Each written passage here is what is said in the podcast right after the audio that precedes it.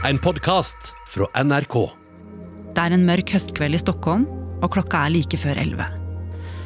Utenfor et leilighetskompleks i det rolige boligområdet Hammarby sjøstad går en av Sveriges mest kjente artister, den 19 år gamle rapperen Einar, sammen med to andre kollegaer.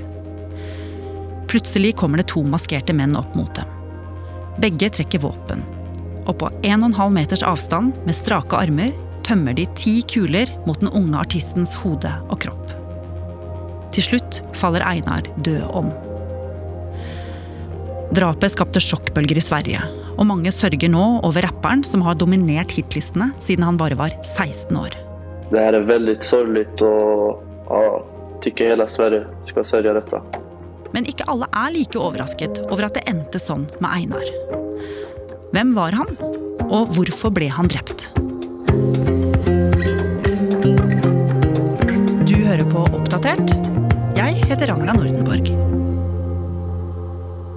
De står och becknar Mariana Där Aina spanar, de stenar nog och ruta Sen då börjar de kuta. Aina kommer till trakten och grabbarna börjar skjuta. Henslengt i en sofa under en rød hettegenser sitter en 11-12 år gammel gutt med tynn stemme og spytter ut rapptekster så raskt at den svære mannen i boblejakka ved siden av ser mektig imponert ut. Vi blir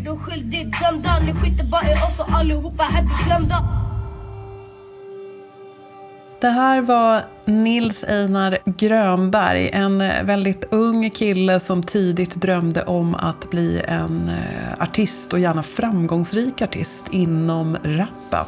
Eva-Lisa Wallin er krimjournalist i svensk P3. Och när den här videon gjordes då bodde de i södra delarna av Stockholm längs med grön tunnelbanelinje söder om stan. Ja. Og denne grønne T-banelinja gikk jo da til Enskededalen, som er et forsted sør i Stockholm. Og der bodde denne gutten sammen med familien sin, bland annat den kjente skuespillermammaen Lena Nilsson. Og det var med denne videoen at mange i nærområdet la merke til dette talentet, som hadde Eminem som sitt store forbilde. Men det ble jo fort klart for både skole og mammaen at den unge gutten hadde søkt seg til et miljø som var preget av narkotika og hardbarka kriminalitet. Hva slags folk var det han hadde begynt å henge med, Eva-Lisa? Den gruppering som han ska ha kopplats till då var en gruppering som kallades Dalen-nätverket i Enskededalen i södra delarna av Stockholm. Det finns personer som har använt skjutvapen i det eh, nätverket och det finns även personer som har dött i konflikter gentemot andra nätverk. Og Einar, som han etter hvert begynte å kalle seg, lagde jo musikk som han slapp på YouTube, og tekstene reflekterer jo det miljøet han hang i. Ja, precis. Eh. Min bror sköter rutiner. Här folk är askar utan bröder och kusiner. Här folk är hundra även utan fem När man läser Einars texter, lyssnar på honom och även ser videos så förekommer det ju relativt flitigt vapen, droger. Det pratas om att man japp någon, alltså att man skjuter någon. Det finns en beskrivning av en kriminell miljö och verklighet i de här texterna.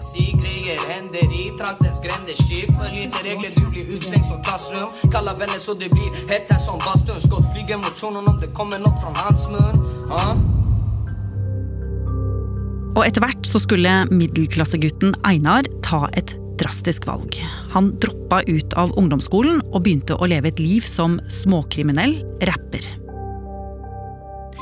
Till slut blev han arresterad och endte etter hvert opp på en ungdomsinstitusjon.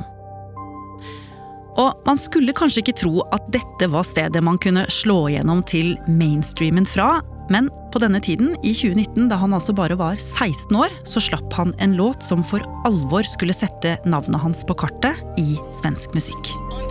Hon är katten i trakten, hon lyser upp hela natten. Det är plus ett, hon kan matten. Hon är inte fin, hon är vacker. Hon är inte goish och behöver inga ögon i nacken. Men om hon kommer och testar då jag får ner han på backen. Låta het Katten i trakten, og Eva-Lisa, den tok jo rett og slett helt av. Och Og hvordan kunde man märka det? Den får ju väldigt mycket spelningar på Spotify. Det är folk som kollar på den väldigt mycket på YouTube. Han får ju sitt liksom, stora genombrott. Han har haft en fanbase innan som ändå har lyssnat på honom men inte alls liksom den breda publik som han når nu. Nu får han ju ett slags vad ska man säga, formellt erkännande. Han blir eh, nominerad till olika priser och blir nästan lite av en eh, mainstreamartist skulle man kunna säga. Det här är liksom en, en melodi som många går och trallar på. Du och jag kan slösa tid, du och jag kan röka weed Folk de hatar på mig för att Benning kan förstöra beats Tro mig kan förstöra liv, kommer med min mördarbil Mannen kom om du vill köpa keys Katten i trakten är ju skriven som att den handlar om en eh, väldigt eh, snygg tjej. En vacker tjej, hon är inte bara fin, hon är vacker. Hon är, hon är katten i trakten, hon lyser upp hela natten. Det är plus ett, hon kan matten. Hon är inte fin, hon är vacker. Hon är inte goish och behöver inga ögon i nacken. Men om hon kommer och testar då jag får ner han på backen. Det verkar som att det är en eh, vacker tjej som det handlar om. Men om man läser mellan raderna så kan man ju också se att det kan handla om en helt annan person. Eh, det har funnits spekulationer om att det har handlat om en eh, person som jobbar med, håller på med narkotikabrottslighet helt enkelt. Och etter at låten låta var blitt allemannseie, så var det jo mange som ville snakke med Einar. Og han stilte jo i noen ytterst få intervjuer, deriblant med Ekspressen, hvor han jo fikk spørsmål om hvorfor det var så mye dop og våpen i låtene hans. Jag vill visa vad, man får, man får inte glömma vart man kommer ifrån. Alltså det, det är väldigt viktigt. Man, det, det, det, det området som Dalen, det är där jag kommer ifrån, det är det området som har gjort mig till den jag är och där jag är idag. Och det, det finns vapen, det finns droger, det finns, det finns allt. Det sker saker, det sker skottlossningar, det sker... Alltså, man måste, jag, det är viktigt. Det är viktigt, man får inte glömma det. Og gangsterrapperen Einar var jo nå nesten blitt en folkkjær artist. Og i starten av 2020 så vant han prisen for årets beste låt på P3 Gull. Och vinnaren är... Alltså jag har aldrig fått göra det här förut. Så fruktansvärt spännande. Åh oh God, jag vet redan! Jag vet redan! Katten i trakten! Men til tross for at Einar nå hadde fått et eh, nasjonalt gjennombrudd, så var det jo ikke sånn at han ble helt tatt inn i varmen av det svenske etablissementet. Hvorfor ikke det? Det handlar om att han känner kanske att han inte behöver delta i liksom etablissemangets mediekanaler. Han kan växa sig stor på sin egen plattform, använda sig av Spotify, lägga ut saker på Youtube, gör väldigt mycket både inlägg och stories på Instagram och andra sociala medieplattformar och har liksom hittat sin publik där. Han har ju också varit rätt eh, sparsam med att ge intervjuer till, ja, men till exempel eh, P3, Dagens Nyheter, Svenska Dagbladet, SVT, de stora etablerade mediehusen i Sverige. Just för att det kanske inte liksom finns riktigt någon poäng. Plus att då blir det ju också en chans för att han skulle ha fått en del kanske rätt jobbiga frågor om den egna kriminaliteten och den är ju inte han så sugen på att prata om, även om han rappar om den. Etter hvert så kunne jo man se hvordan Einar ble mer og mer involvert i dette tunge kriminelle miljøet som utgjorde Dale-nettverket. Og dette her er jo et veldig farlig miljø, hvor folk dreper hverandre, enten i rivaliserende oppgjør, eller til og med innad i gjengen. Og Eva-Lisa, på dette tidspunktet, vilken roll hade han i detta nätverket? Han var inte liksom en ledare, han var kanske inte längst ner i hierarkin, men han var inte en ledare. Sen blev ju han också, i och med att han blev känd när han var relativt liten, så blev ju han på något sätt en, mer av en, liksom, ja men han blev gängets rappare liksom. Och där är det lite svårt att, svårt att placera honom i hierarki. Han blir ju mer av en liksom, eh, symbol, eller vad man ska säga. Og en dag i 2020 skulle jo Einar selv få merke hvor livet som gangster kan ta en.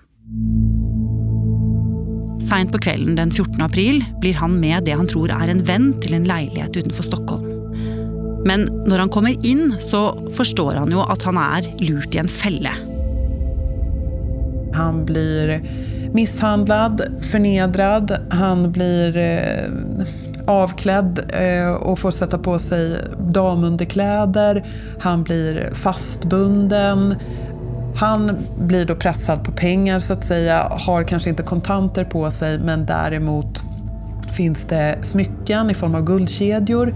Han tvingas också åka och hämta Rolex-klocka och eh, lämnar över det här till eh, kidnapparna och släpps sen. Och det blev ju också tatt förnedrande bilder av honom som skulle brukas till att pressa honom för mer pengar. Men det fick aldrig kidnapparna. Och bilderna spredte sig i sociala medier och fick enorm uppmärksamhet i svensk press, även om offret förblev anonymt. Enligt Expressens uppgifter så blev artisten rispad med kniv på vänster kind och på överkroppen och dessutom rånad på en Rolex-klocka. I samband med att händelsen anmäldes så fanns det uppgifter om att det handlade om 15 maskerade män och polisen utreder kopplingar till Vårbynätverket.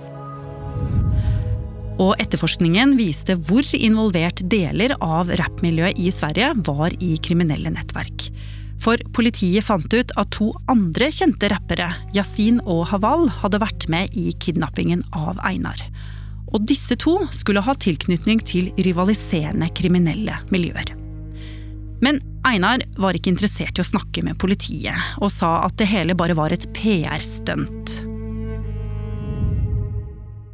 Og Eva-Lisa, hvorfor ville ikke Einar fortelle hva som hadde skjedd med ham? Det här kan ju egentligen bara Einar veta och han är ju eh, borta nu. Men han fanns ju i en miljö som präglades rätt mycket av en tystnadskultur. Det såg inte som någonting bra att prata med polisen helt enkelt. Eh, man kunde bli sedd som en golare eller tjallare. Alltså... Ja, alltså en som, en som sladdrar på politi, rätt och slett. Ja, precis. Och Etter dette så ble jo livet veldig annerledes for Einar. Trusselnivået økte rundt artisten, og han og hans familie måtte rett og slett bli forsiktige med hvor de beveget seg. Han fikk hemmelig telefonnummer og adresse, og i perioder så var han til og med i utlandet for å holde seg trygg. Han har ju under hela den här tiden fortsatt göra musik och nu på senare tid, senaste veckorna, månaden, så ska han också ha rört sig lite mer öppet i Stockholm. Kanske börjat leva något slags lite mer normalt liv, även om han har haft skyddade personuppgifter. Och så sent som i mitten av oktober i år så var ju Einar i studio med kompisar i Stockholm och lagde musik.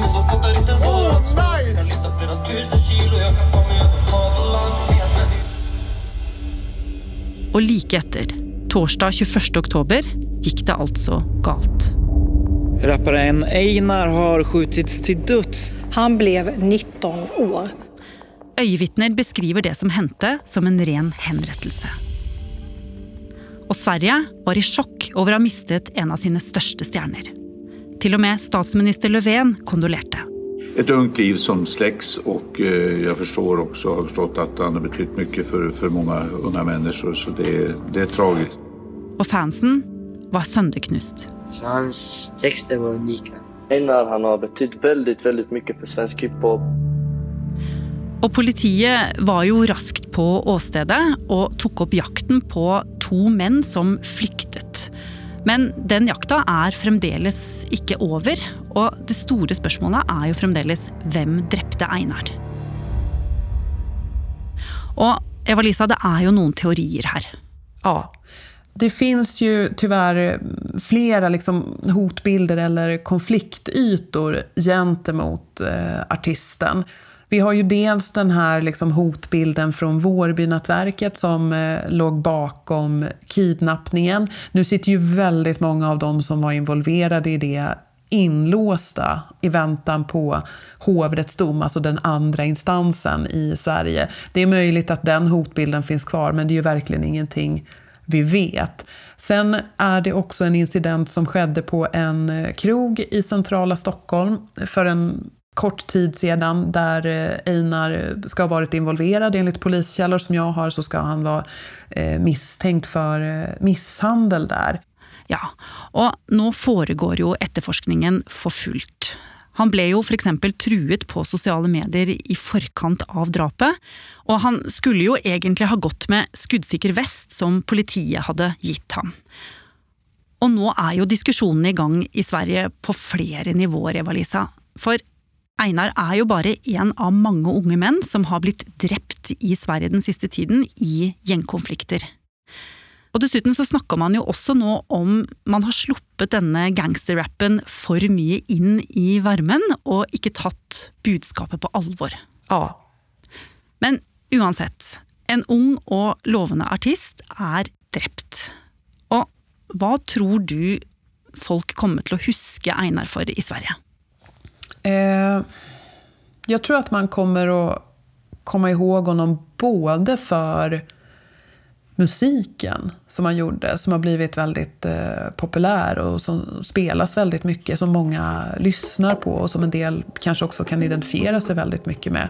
Sen tror jag tyvärr också att han kommer att bli ihågkommen just för det här, för hans våldsamma slut på livet och för den liksom, kanske miljö han, han rörde sig i. Tyvärr.